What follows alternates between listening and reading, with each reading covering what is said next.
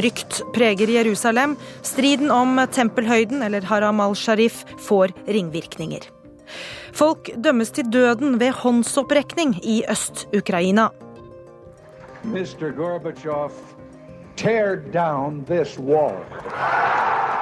Mikhail Gorbatsjov rev muren, og 25 år etter Berlinmurens fall er æresborgerne av Berlin tilbake. Monty Pythons norske papegøye er igjen aktuell i det britiske parlamentet. It's official. It's a dead parrot.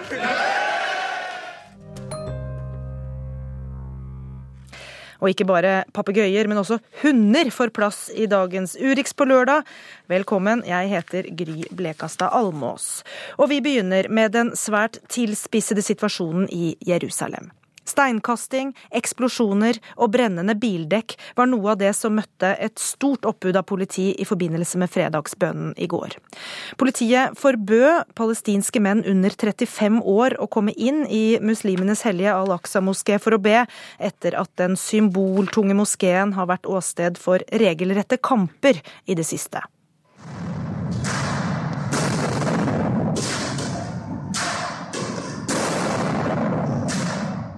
Skarp skyting inne i Al-Aqsa-moskeen.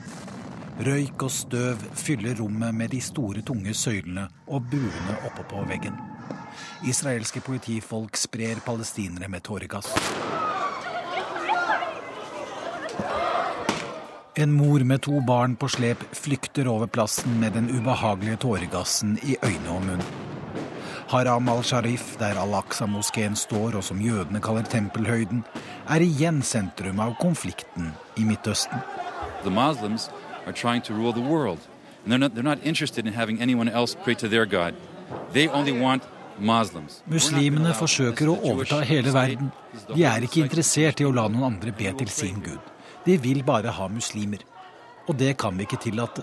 Dette er en jødisk stat, jødenes hellige sted, og vi vil be her, sier en jødisk aktivist som forsøker å ta seg inn for å be. Marinegrå og grønnkledde israelske sikkerhetsstyrker springer etter palestinere gjennom smugene. Da Ariel Sharon besøkte tempelhøyden i år 2000, var det med på å sette i gang palestinernes andre intifada. Denne uken har palestinerne tatt i bruk et nytt våpen i kampen mot sine okkupanter. Bønn i gatekrysset der en mann ble drept av en palestinsk mann som kjørte bilen sin rett mot folk som sto og ventet på trikken. Sjåføren ble selv skutt av politiet. Kona hans sier han var fortvilt.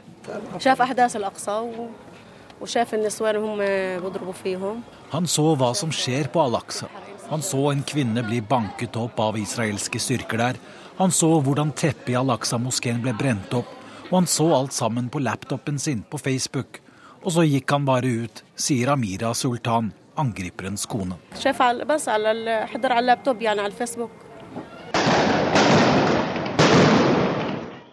Alt bråket om Al-Aqsa-moskeen får ringvirkninger i regionen. USAs allierte, Jordans kong Abdullah, er opprørt over at Israel stengte moskeen jordanerne har en vaktmesterrolle i, siden kong Abdullahs bestefar Sharif Hussain fikk det i 1924. Jordan, der de fleste er palestinere, styrte Vestbredden og Øst-Jerusalem mellom 1948 og 1967. De vil gjøre alt for å beskytte al-Aqsa. Da Israel stengte moskeen i forrige uke, ble den gjenåpnet etter sigende etter press fra kong Abdullah selv. Jordan har tilbakekalt sin Israel-ambassadør, det mest alvorlige skrittet de har tatt siden fredsavtalen mellom Israel og Jordan ble inngått i 1994. قلنا أنه منذ أشهر الحقيقة هنالك تصعيد إسرائيلي واضح في الحرم القدسي الشريف. Noe lignende har ikke skjedd siden 1967, at 200 israelske soldater bryter seg inn i moskeen. Dette er å trå over streken, og vi kan ikke la det fortsette, sier talsmann Mohammed Momani i den jordanske regjeringen. Men Israels statsminister Benjamin Netanyahu sier at avtalen om Al-Aqsa-moskeen fra 1967 fortsatt skal gjelde. Men han er under press fra sine egne i Likud-partiet og anklager palestinerne for å hisse opp konflikten.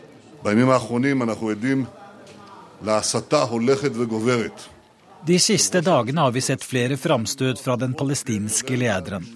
kondolansebrev til familien til han som prøvde å drepe en jødisk aktivist, og oppfordringer om å hindre jøder fra å besøke tempelhøyden.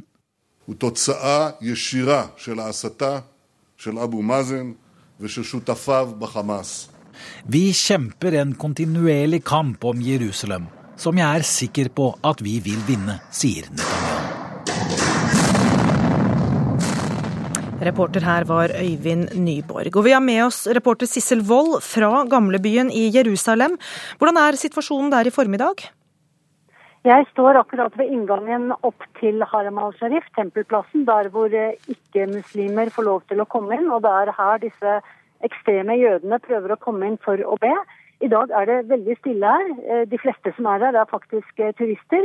Så enten holder folk seg hjemme av frykt for bråk, eller så er det, det er veldig mange palestinske familier som ikke går ut nå, som ikke vil at barna skal gå ut av frykt for at de skal havne i trøbbel eller selv starte trøbbel. Og Så hører vi altså at sikkerhetsstyrker skjøt og drepte en arabisk ungdom nord i landet eh, i dag morges.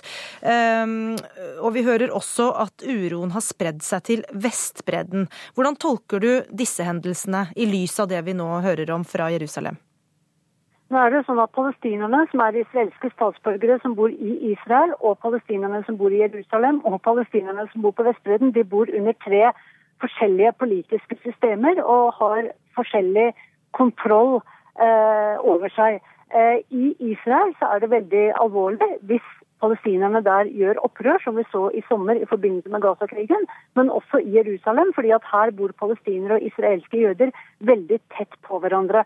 Hva som skjer på Vestbredden, det er litt utenfor eh, det israelske livet. For det er når israelske jøder og arabere som bor sammen og er avhengig av hverandre, blir redd for hverandre, da, det er grunnen til at folk er så redde for hverandre. Det er grunnen til at stemningen er så oppspent her nå. Mm.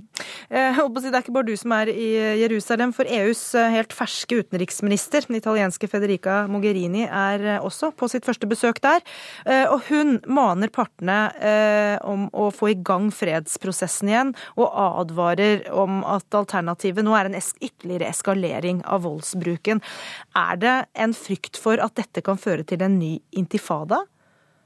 Ja, det snakker alle om, og særlig israelske sikkerhetskilder snakker om det og frykter for det. Men ingen her aner jo hva som kan skje.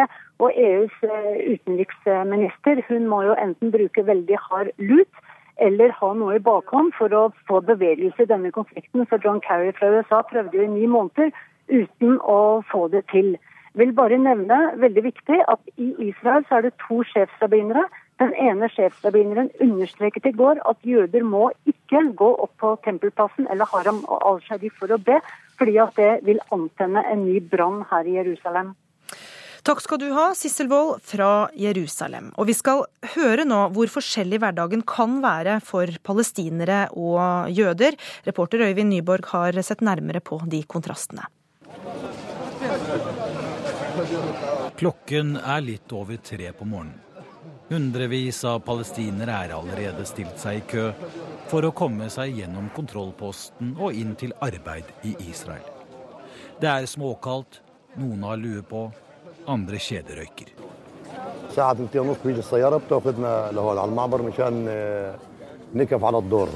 Klokken halv tre er det en bil som henter oss, slik at vi kan stille oss i kø her, sier en som kaller seg Ahmad.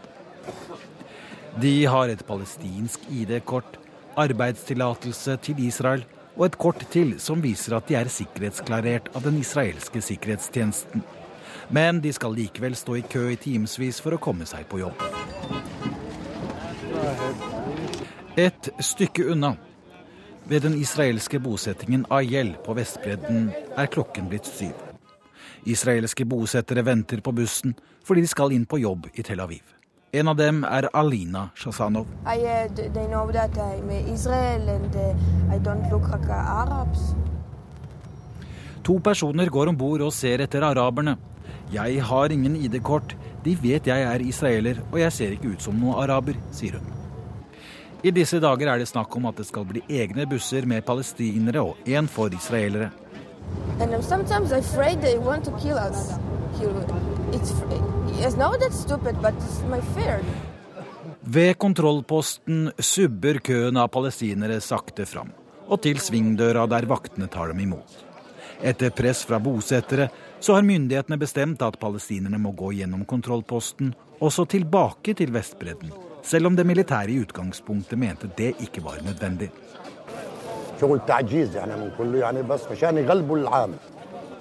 Dette er bare egnet til å såre oss og trakassere oss arbeidsfolk, sier Ahmad. Det er rart. Vi har tillatelser og papir på at vi ikke har gjort noe galt. Hvorfor skal vi ikke da kunne ta bussen, sier en annen.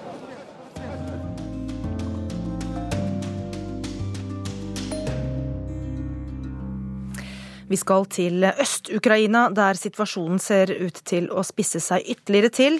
En kolonne med 32 pansrede kjøretøy har krysset grensen fra Russland til Luhansk-regionen. Det hevder ukrainske myndigheter. Fem ukrainske soldater er drept det siste døgnet, og ved flyplassen i Donetsk er det harde kamper.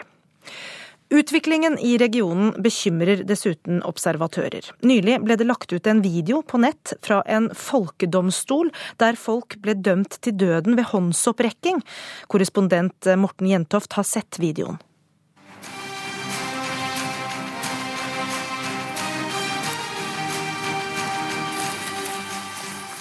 Til tonen av dyster filmmusikk ser vi en mann med bøyd hode bli ført inn i det som må være kulturhuset i den øst-ukrainske byen Altsjevsk.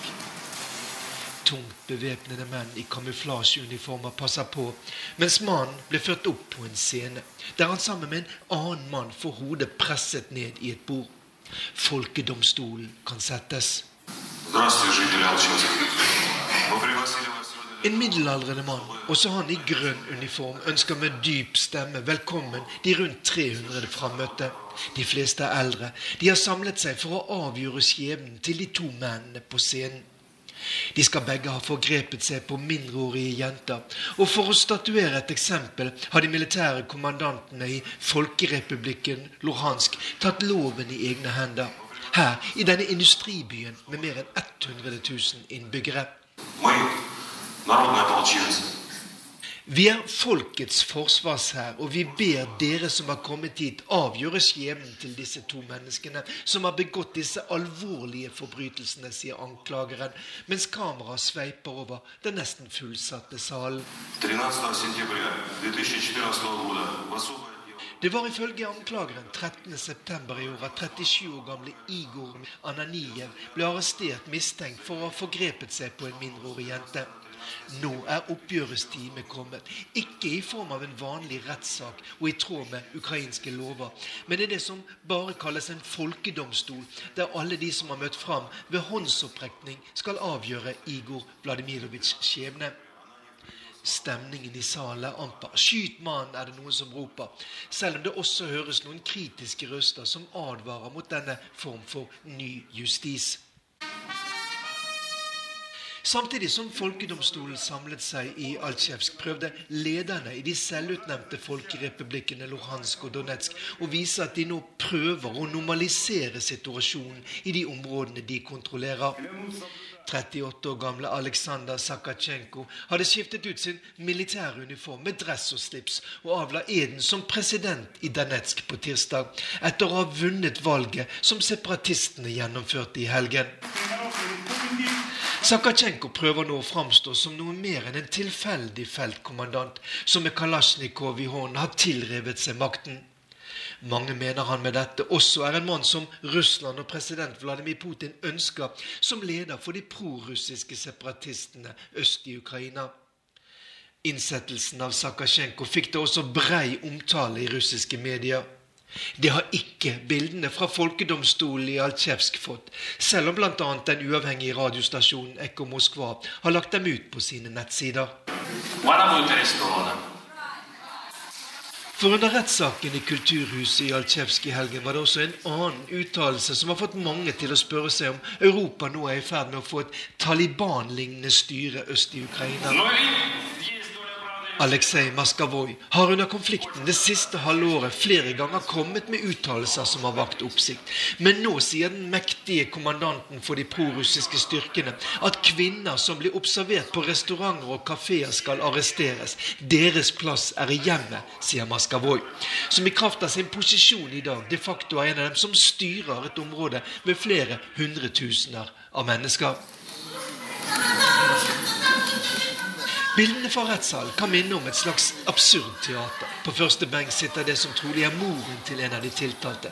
Men hennes gråt ser ikke ut til å gjøre inntrykk på de frammøtte, som med håndsopprekning ble bedt om å si ja eller nei til liv eller død for den tiltalte. Kto za til slutt stemmer 271 for det som er lovens strengeste straff, døden ved skyting. For Vitali Kraftsov, den ene av de to tiltalte mennene oppe på scenen. Og det skjer til stor jubel blant de frammøtte. For Igor Ananjov er det ikke nok stemmer for dødsdom. Han blir i stedet sendt til fronten, slik at han kan dø en ærerik død der, som det ble sagt. Også i mai skal en mann ha blitt dømt til døden for plyndring i de separatistkontrollerte områdene, der myndighetene sier de vil følge unntakslover fra annen verdenskrig for å opprettholde lov og orden. Eksempelet fra Altsjevsk er nok ekstremt, og selv ukrainske myndigheter advarer mot å generalisere situasjonen i de separatistkontrollerte områdene. Men det viser hvordan konflikten i Ukraina har gjort at deler av landet har beveget seg bort fra det som i alle fall var et tilnærmet sivilisert rettssamfunn, tilbake til en samfunnsorden de fleste trodde hørte fortiden til.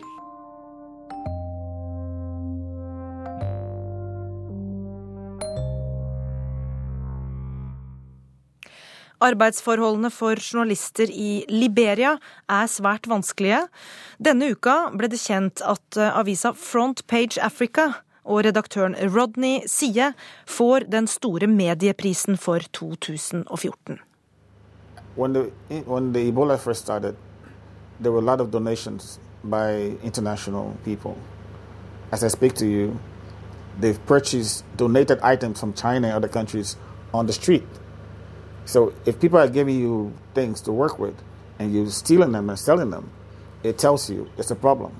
Han gir seg ikke på tørre møkk av redaktøren. Nå er han i gang igjen med dokumenterte anklager om statlig vanstyre, korrupsjon og ran av felleskassa. Han har gjort det før og måttet gå rett i fengsel, sist med en dom på 5000 år. Men hvem skal ellers fortelle verden om at offentlig ansatte i disse ebolatider stjeler verneutstyr som utenlandske givere har donert til sykehus og mottak? Helsearbeidere må på gata for å kjøpe de samme hanskene de skulle fått gratis for en høy pris. Norway should help, and Norway, I'm sure they will help. But I, I strongly believe that if Norway Liberia, the money should be given through channels. Gi ikke penger til staten Liberia. Rodney Sea tar imot NRK samme dag som utenriksminister Børge Brende er i landet som den første utenlandske ministeren etter ebola-utbruddet. Veggene er skittengule. Redaktøren kunne med hell dekorert dem med alle prisene han og avisen har fått. Møkkete blå gardiner er trukket for, kabelkrøll og åpne stikkontakter. Dagbladet-redaktøren ville nikke gjenkjennende til kaoset, han som plutselig fant en sykkel under papirene på pulten, ifølge anekdoten. Papirer og aviser, dokumenter og fotografier, og kloroppløsning, og sprit for håndvask, og digitalt pannetermometer. Rodney Sie er redaktøren for den beste avisen i verdens verste ebolaland. Han frykter framtiden. The president should be very focused the medical aspect of Ebola, not the political aspect of Ebola, because you're focusing too much on restricting free speech, restricting rights, restricting the, the assemble, and you're forgetting about the dynamics of the key issues that are really important to this crisis. And that's where I think the problem is. She's misdirected, she's misguiding her approach in dealing with this. I think she's, she, she forget about this absolute power nonsense and focus on the medical issue. President Johnson Sirleaf vil ha total kontroll og absolutt makt for å bekjempe viruset effektivt. Det mener redaktøren vil føre til borgerkrig og oppløsning av staten nok en gang. Den siste som prøvde på det, var Charles Taylor. Domstolen i Haag sørget for at han ikke slipper ut på en stund.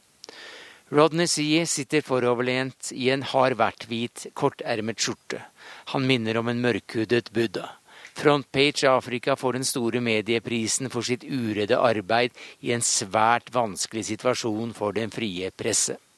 Han kunne fått den flere ganger tidligere, f.eks. da han trosset kuleregnet og fikk det første intervjuet med en ny leder i Gambia, eller da han som BBC-korrespondent avslørte politiske mord og forsvinninger, ble drapstruet og flyktet til England og senere til USA.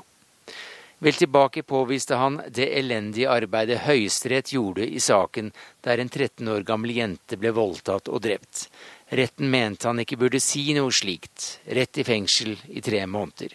Året etter fikk landets president Nobels fredspris. Well, woman, but there are too many people around her who are misleading her.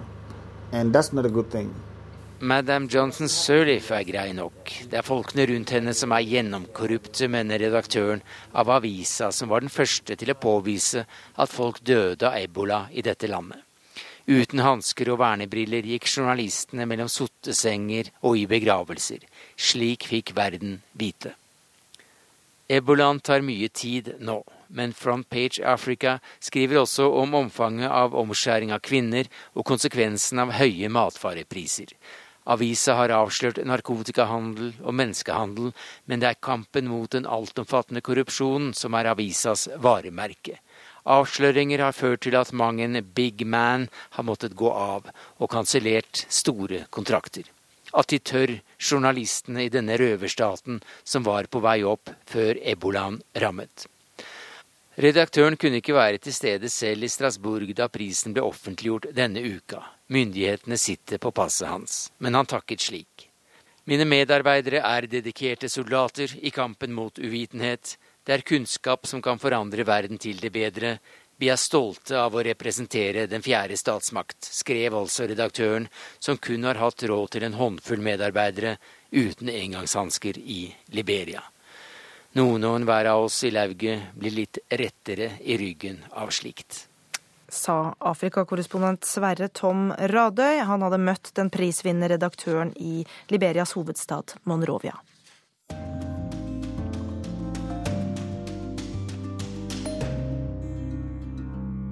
It's official. It's a dead parrot. Everyone will have heard his weasel words. He won't be straight with his backbenchers. The Labour Party is so chicken when it comes to trusting the British people. Få politikere vet å angripe hverandre verbalt som de britiske, og som vi hørte i dette utdraget fra debatten i Westminster denne uka, er de spesielt glade i fugler. Det hele startet med dette. I wish to Monty Python-sketsjen fra 1969 med John Cleese og Michael Palin om papegøyen The Norwegian Blue er kanskje blitt middelaldrende, men den har hatt en imponerende overlevelsesevne. Yes, the, Norwegian Blue. What's wrong with it? I'll tell you what's wrong with it, my lad. It's dead. That's what's wrong with it. This is an ex-parrot. Et uh, særlig oppsving fikk den den 12. oktober 1990 av en noe overraskende person med en noe annerledes form for humor, nemlig statsminister Margaret Thatcher, som overfor partikonferansen sin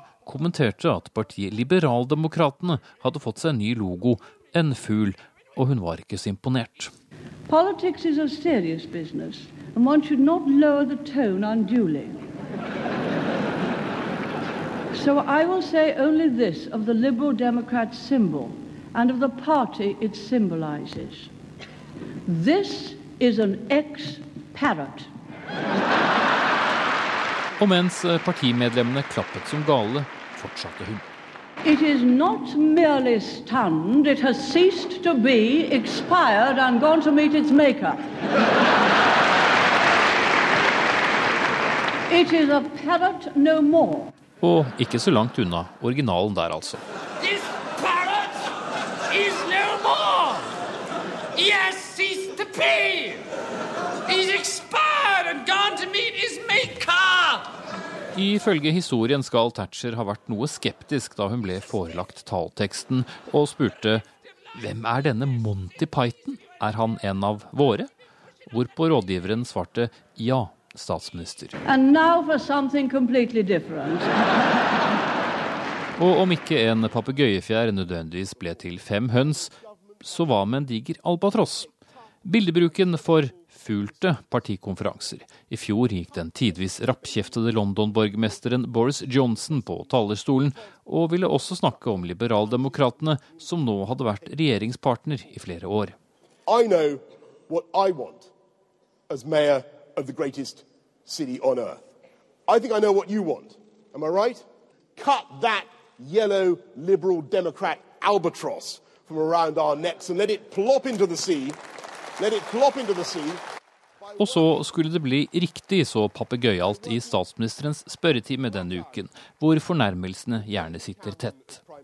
Lederen av opposisjonspartiet Labour, Ed Miliband, hadde nettopp forsøkt å latterliggjøre David Cameron for hans manglende evne til å reformere EU. Hvorpå Cameron i stedet minnet Miliband på at en av hans skyggeministre nylig hadde omtalt sitt eget parti som døden nær. That is, It's not the view of the backbenchers. It's the view of the frontbenchers. It's official. It's a dead parrot.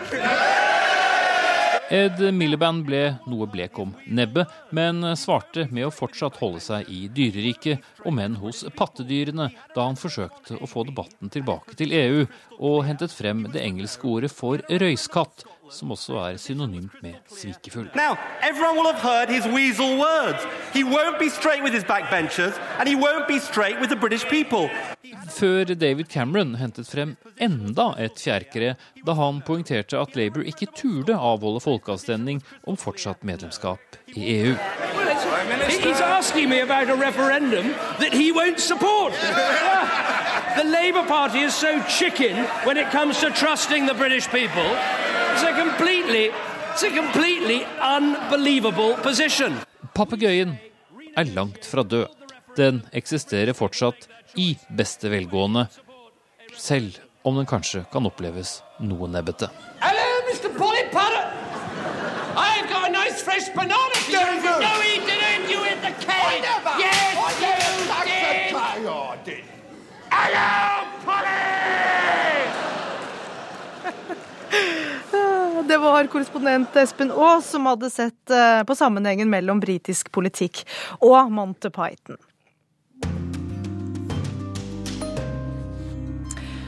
Da har klokka passert halv tolv. Følg oss den neste halvtimen og hør om det uvirkelige som ble virkelig for 25 år siden. Det var som folk ikke trodde at det var sant. Etter 28 år bak piggtråd og en mur som har delt Berlin i to. thrown open, and thousands of people are pouring over to take a look at a West. In some cases, their first look, and the elation is enormous. Kina er i ferd med å gå forbi USA som verdens mektigste nasjon, både økonomisk og militært. Til uka kommer Obama til Beijing. Og i korrespondentbrevet møter Gro Holm en fargerik bukett mennesker i New Yorks Central Park. Jeg har en datter på 23, Sage, med Mick Jagger, sier hun. Virkelig? spør jeg tvilende. Ja, altså, jeg møtte ham i en drøm for 25 år siden, på en parkeringsplass i forbindelse med en Stones-konsert. Vi ble bestevenner. Det var helt magisk. I morgen er det altså 25 år siden Berlinmuren falt, og en halv million besøkende er ventet til Berlin i forbindelse med feiringen. Mikhail Gorbatsjov er en av dem som skal være med på feiringen, som skjer i skyggen av det mange betegner som en ny kald krig, spillet om Ukraina. Kollega Arnt Stefansen traff Mikhail Gorbatsjov i Berlin i går kveld.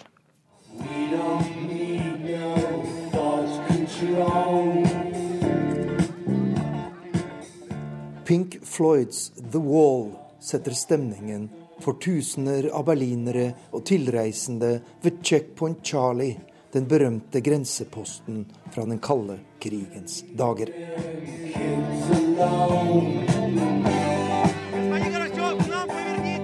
Vi er kommet for å se og høre en legende.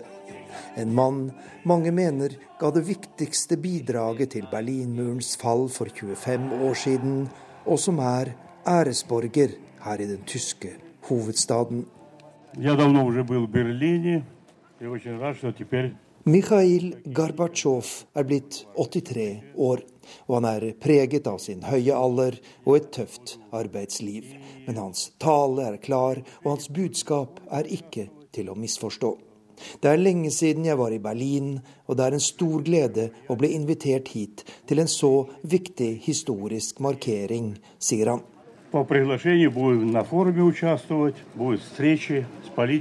Gorbatsjov forteller at han i dag vil delta på et stort internasjonalt symposium der temaet er den kalde krigen. Der deltar også den tidligere vesttyske utenriksministeren Hans Dietrich Genscher og flere av de østeuropeiske lederne fra tiden rundt jernteppets fall i 1989. For tilhørerne ved Checkpoint Charlie er det et magisk øyeblikk å oppleve Mikhail Gorbatsjov. Jeg tenker, er det er hat es Det var han som startet det hele. Det som gjorde det mulig å rive Berlinmuren, sier den 66 år gamle Hartmut Gøvert fra det vestlige Tyskland. Gorbatsjov hadde mot til å reformere sovjetkommunismen, og han gjorde det klart for Erich Honecker og de andre lederne i østblokken at de ikke lenger kunne regne med sovjetisk militærhjelp til å kue sine befolkninger. Derfor er Gorbatsjov den største helten av alle, sier 66-åringen. Ich bin ein Berliner.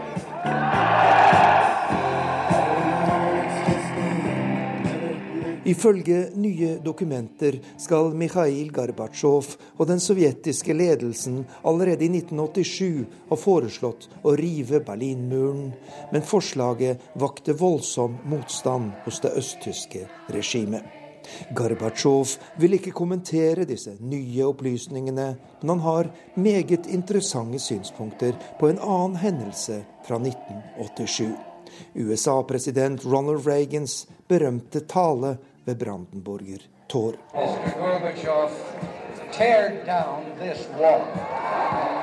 Herr Gorbatsjov, riv ned denne muren, sa Ronald Reagan, et utspill som er blitt tillagt stor betydning, særlig fra amerikansk side.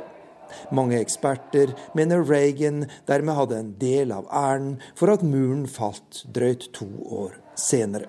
Men hvordan reagerte den sovjetiske ledelsen på Reagans opptreden ved Brandenburger Tor? Я сказал, вы знаете, мы особого значения не придали этому. Мы знали, что мы дело имеем с артистом в прошлом. Vi tilla ikke denne uttalelsen særlig betydning, sier Gorbatsjov. Vi visste jo at han var en tidligere skuespiller, og vi oppfattet dette som en iscenesatt opptreden som skulle gi ham oppmerksomhet. I stedet for å drive skuespill skapte vi de politiske forutsetningene for at muren kunne falle. Og da østtyskerne selv var klar for å fjerne muren, skjedde det. Og det skjedde på fredelig vis, sier den tidligere sovjetiske presidenten Mikhail Gorbatsjov.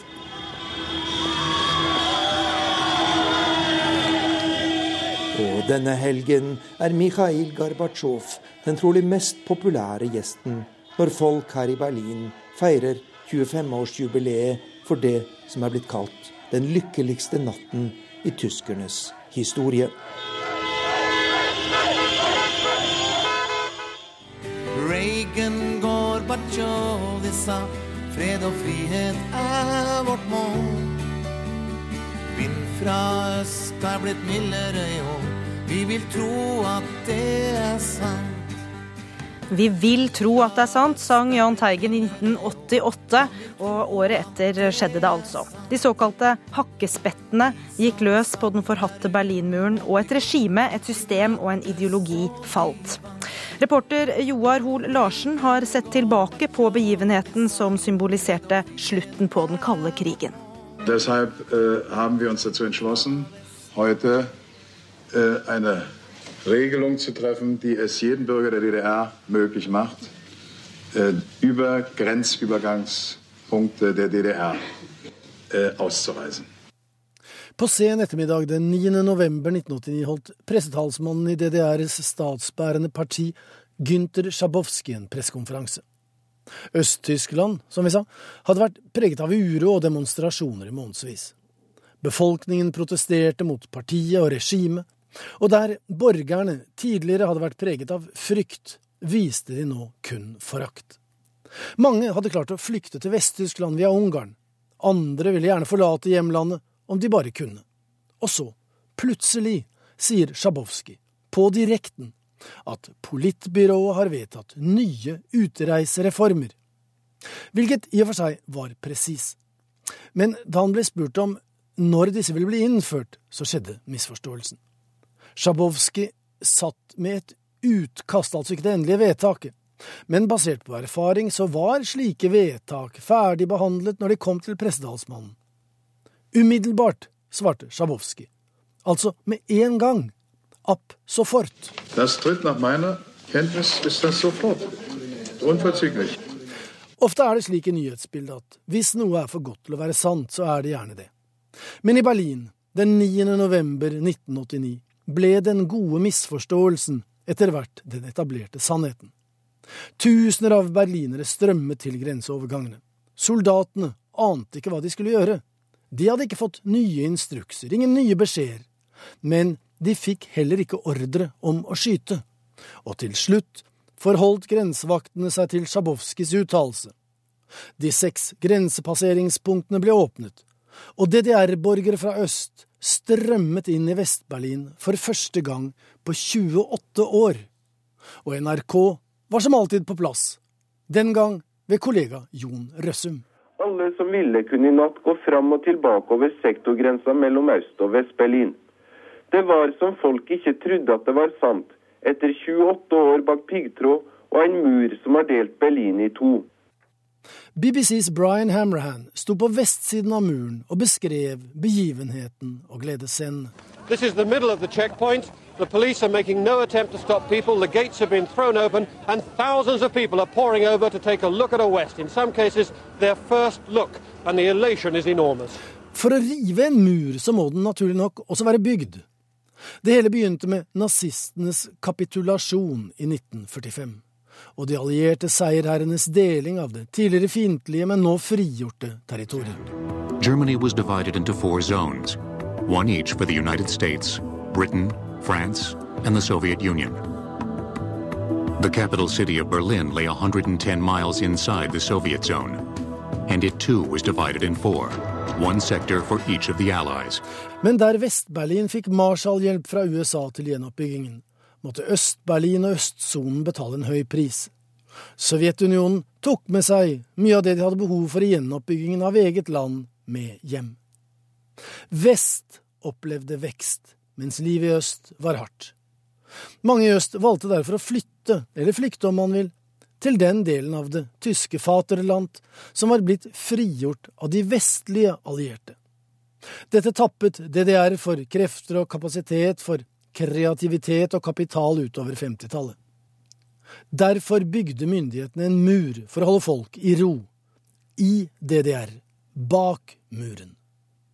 Og denne muren ble selve symbolet på den kalde krigen, på skillet mellom øst og vest, mellom undertrykkelse og frihet, som USAs president John F. Kennedy sa i sin tale i Berlin sommeren 1963. All free men, wherever they may live, are citizens of Berlin. And therefore, as a free man, I take pride in the words, Ich bin ein Berliner.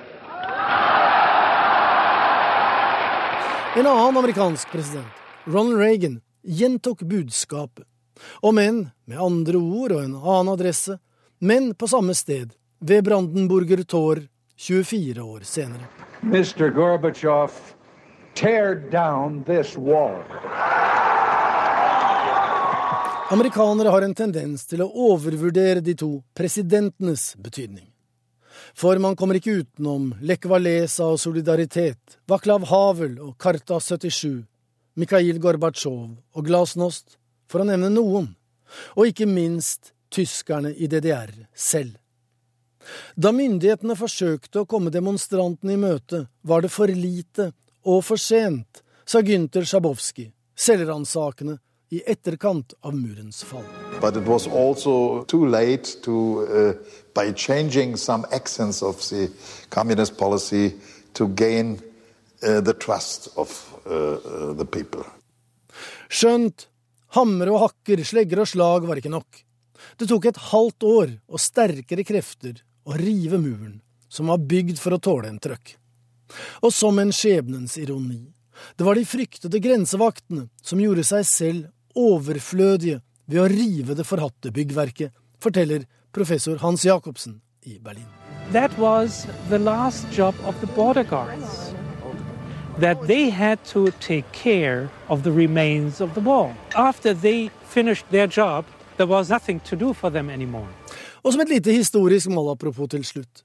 Det var ikke bare selve muren som ble auksjonert bort i større eller mindre biter. De spesialtrente hundene, som visstnok var opplært til å bite i hjel sine egne hundepassere og voktere, om vedkommende forsøkte å komme seg over til den andre siden, disse måtte også omplasseres. Bare tanken på å få slik en levende drapsmaskin inn i stuen er nok til å skremme de fleste. Men, sier Christopher Hilton, som har skrevet boken The Wall, som så mye annet, så var hundenes rendyrkede killer instinct et produkt av DDRs propagandakrig. Det viste seg at de var snille som lam, sier Hilton, ute av stand til å gjøre selv en katt fortred. They turned out to docile that people bought them as pets. Killer dogs turned out to be wonderful, wonderful pets who didn't molest burglars. Og det blir betydelig mer om 25-årsjubileet for Berlinmurens fall i ulike sendinger her i NRK denne helgen. Blant annet er magasindelen av Søndagsrevyen i morgen viet jubileet. Fra dette tilbakeblikket skal vi se inn i framtida, for rett over helgen kommer Obama til APEC-møtet i Beijing. Forholdet mellom Kina og USA er i endring. Kina er i ferd med å gå forbi USA både som verdens største økonomi og som militærmakt. Amerikanerne har alltid hevdet at de er over alle andre. Men når Kina går forbi i bruttonasjonalprodukt eller militærbudsjett, kan USA akseptere det? Hva skjer da med amerikansk eksepsjonalisme? USA må snart endre sin nasjonale identitet, sier Wang Yiwei, som er professor i internasjonal politikk ved Renmin-universitetet her i Beijing, til NRK. Det er bare noen dager til Air Force One lander her, og det er fem år siden sist Obama besøkte Kina. Men det har vært noe i luften her i Beijing i flere dager allerede. Forventning, nerver, spenning og langt færre av de forhatte kullstøvpartiklene. Deler av den kinesiske hovedstaden er nesten i en unntakstilstand.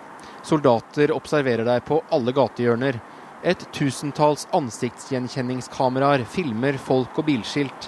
Sikkerhetsopplegget er stramt som et trommeskinn, og biltrafikken er kuttet til det halve.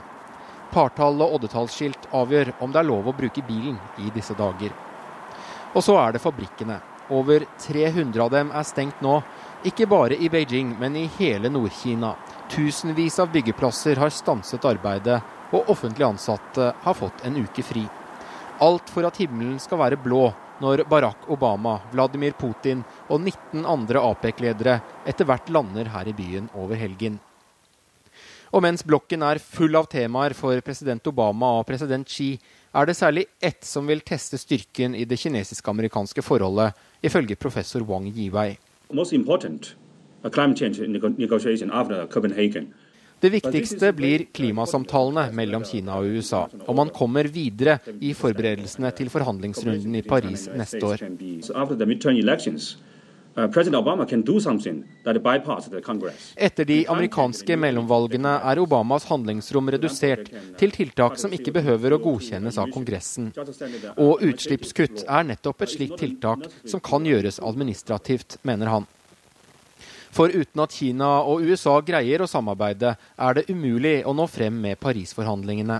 For begge land har utslippskutt en høy pris, og derfor vil måten Kina og USA løser dette vanskelige spørsmålet, teste dybden og styrken i samarbeidet, men også i om hele det nåværende internasjonale systemet er bærekraftig. Wang Yiwei tror ikke Kina er særlig begeistret for å snart bli verdens største økonomi. It's one. Å være nummer én er en byrde som Kina ikke er klar for. Veien til å bli verdens nest største økonomi gikk så fort at Kina ikke engang er vant til den rollen, og langt mindre å være nummer én. Det gamle olympiske pressesenteret her i Beijing huser nå 4000 besøkende journalister. De fleste jakter på lekkasjer om fremdriften i en frihandelsavtale for APEC-regionen. For de 21 APEC-landene kontrollerer over halvparten av verdenshandelen og har 40 av verdens befolkning. Så det er mer enn forholdet mellom USA og Kina som står på spill de neste dagene. Om himmelen blir blå til slutt, er fortsatt usikkert, men det er såpass tak i de kinesiske tiltakene at prisen på jernmalm sank på råvarebørsene denne uka. APEC-toppmøtet kommer også til å merkes i Kinas bruttonasjonalprodukt for november. Så spørs det om utfallet av de politiske samtalene vil bli like håndfaste. Peter Svaar, Beijing.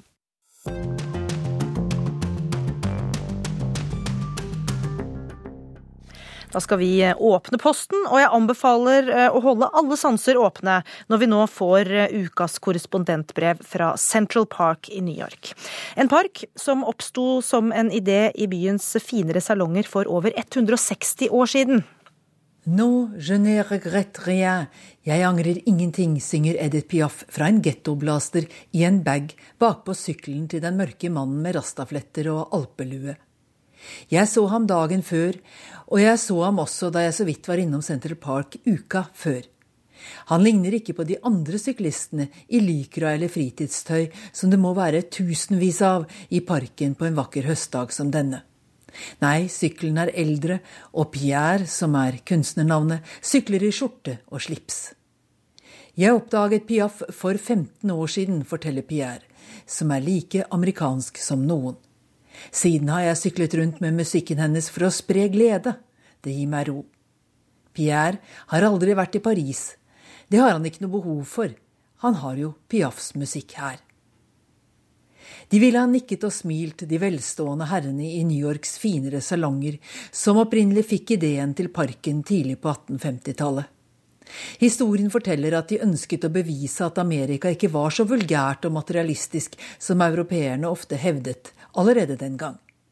De ville skape noe av verdi for fellesskapet, en park der folk fra alle samfunnslag kunne møtes, mores og puste inn frisk luft. Store deler av området var uansett en blanding av berg og sump, og lite egnet til næringsvirksomhet. Halvannet tusen mennesker måtte riktignok flyttes på, men det skjedde med en viss kompensasjon og til fellesskapets beste.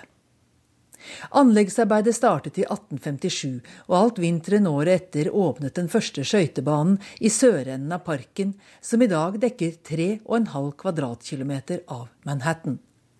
Etter hvert ble det anlagt svære plener, kunstige innsjøer, plantet trær og bygd gangveier med romantiske broer over på kryss og tvers. Til å begynne med var det hovedsakelig de bemidlede som brukte parken. Det var for langt å gå fra der New Yorks arbeiderklasse bodde. Men i dag er parken for alle, med 9000 sittebenker og 40 millioner besøkende hvert eneste år. Jeg kommer til denne benken hver lørdag etter å ha vært hos legen, sier Christina. Jeg elsker denne benken. Den er gitt av Gary Marshall, han som regisserte bl.a. Pretty Woman med Julia Roberts. Her kan jeg drømme og lese, smiler Kristina, en helt alminnelig kvinne i 20-årene. Jeg så jomfru Maria, hun kom til meg på en rosa syklon 12. november i fjor, forteller ikke fullt så alminnelige Sheina Luna, en kvinne i slutten av 50-årene med hodet dekket av fargerike fjær og en rund bambushatt. Hun selger smykker av bergkrystall til forbipasserende, eller kanskje noe som ligner på bergkrystall. Sheena virker helt edru, men historien hun forteller er mer enn fantastisk. Jeg har en datter på 23, Sage, med Mick Jagger, sier hun. Virkelig? spør jeg tvilende. Ja, altså, jeg møtte ham i en drøm for 25 år siden, på en parkeringsplass i forbindelse med en Stones-konsert. Vi ble bestevenner, det var helt magisk. På konserten kastet jeg krystaller på ham og på Keith Richards. De lot som de ikke merket noe. Men datteren min ble unnfanget gjennom krystallene. Det er et mysterium, sier Shana. Sage er et kosmisk barn. Hun er et åndelig produkt, men jobber i dag som healer. Jeg lever på en syklon av krystaller, en stjerneport i Arkansas, sier Sheena. Jeg må ha sett litt tvilende ut, for damen med fjærene følte behov for å fortelle at boka om hennes liv kan kjøpes på Amazon. Den har ligget ute i seks år, og nylig fikk jeg en sjekk på 47 dollar og 40 cent. Den hadde fortjent bedre salg, mente krystalldamen. Jeg møtte flere bokdamer på min vei gjennom parken. Det var hundene som fikk meg til å snakke til Deborah. En velpleid middelklassekvinne med langt, mørkt hår og brune, intense øyne. Den ene bikkja er en blanding av Chesapeake, Mastiff og Pitbull. Den andre er Pitbull og noe annet. Begge var hjemløse, forteller Deborah. Hvorfor så mye kamphund, lurer jeg på. Hun forstår ikke helt problemstillingen. De finnes jo ikke aggressive i det hele tatt. Central Park er helt fantastisk. Jeg blir stadig kjent med nye folk som har hund. Vi arrangerer egne partyer for hundeeiere. Alt her i New York går så fort. Hundene får deg til å stoppe. Deborah jobbet tidligere som helseadvokat. Nå er hun forfatter av én bok så langt. Woman on Top, Kvinne på toppen, finnes faktisk på Amazon. Jeg dro til og med hjem og leste den. En enkel, bortimot selvbiografisk historie om en tobarnsmor som mister mannen i kreft, så nesten blir fanget av en temmelig destruktiv mann fra New Yorks finansjetsett, før hun innser at hun ikke ønsker det livet, og overbeviser seg selv om at hun har krefter nok til å klare seg alene ved å bestige Afrikas høyeste fjell, Kilimanjaro. Du aner ikke hvor mange kvinner her i New York som inngår pakt med djevelen. De har utdannelse og jobb, men gifter seg likevel til enda mer penger og trygghet, forteller Deborah. Det er et liv der alle du møter har en verdi. Folk følger med på hvor mange millioner eller milliarder du er god for. Kvinnene er som regel yngre enn mennene, og de må aldri, aldri motsi mannen med andre menn til stede. De får helgeturer til Paris og Karibia, men menn som ikke er dem verdige, sier kvinnen, som litt overraskende nekter å svare da jeg spør hvor gammel hun er. Med en gang jeg forteller det, blir jeg satt i en bås. Av meg? En kvinne omtrent på din egen alder? undrer jeg. Ja, av deg også, men enda mer av menn som leser det du skriver om meg, eller hører det du sier. Vi er svarte, vi er farlige. Først tar vi kroppen din, så tar vi pengene dine, rapper fem afroamerikanere i kor. De er gateakrobater og kaller seg afrobats, afroflaggermuser. Folk hyler av latter over selvironiske, rasistiske kommentarer som bare afroamerikanerne selv kan fortelle dem. Fem publikummere som må stå med bøyd nakke når en av dem tar rennefart og gjør saltomortale over hele rekka, må til sjuende og sist betale seg ut av denne rekka. Mindre enn ti dollar betyr mobbing. En russer nøler, og han får gjennomgå for en god porsjon av Putins synder. En annen har bare kredittkort og må få hjelp av en ukjent blant publikum. En eldre dame får flere utfordrende hoftebevegelser i sin retning enn hun trolig har fått på flere tiår, alt til musikk eller talekor. De rødkledte flaggermusene tjener nok til å leve av det, forteller en av dem. Så mye moro for 20 dollar er det lenge siden jeg har fått. Egentlig var jeg på jakt etter rulleskøytedanserne. De møtes hver lørdag ettermiddag i parken, men akkurat den dagen var dansen avlyst pga. Av en stor konsert. Jeg fant likevel en av dem, en enslig mann på 58 år som hadde gått på rulleskøyter siden han var tenåring. Han tok noen piruetter for meg, men var egentlig mer opptatt av å dele matpakka med et nysgjerrig ekorn. Ute på en av innsjøene lar noen par seg ro rundt i gondoler, mens de fleste ror selv i båter du kan leie i det som ganske enkelt heter boathouse.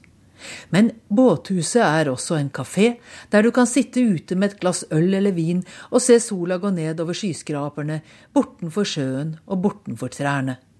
Det unike med Central Park er at du er midt i en verdensby og i naturen samtidig.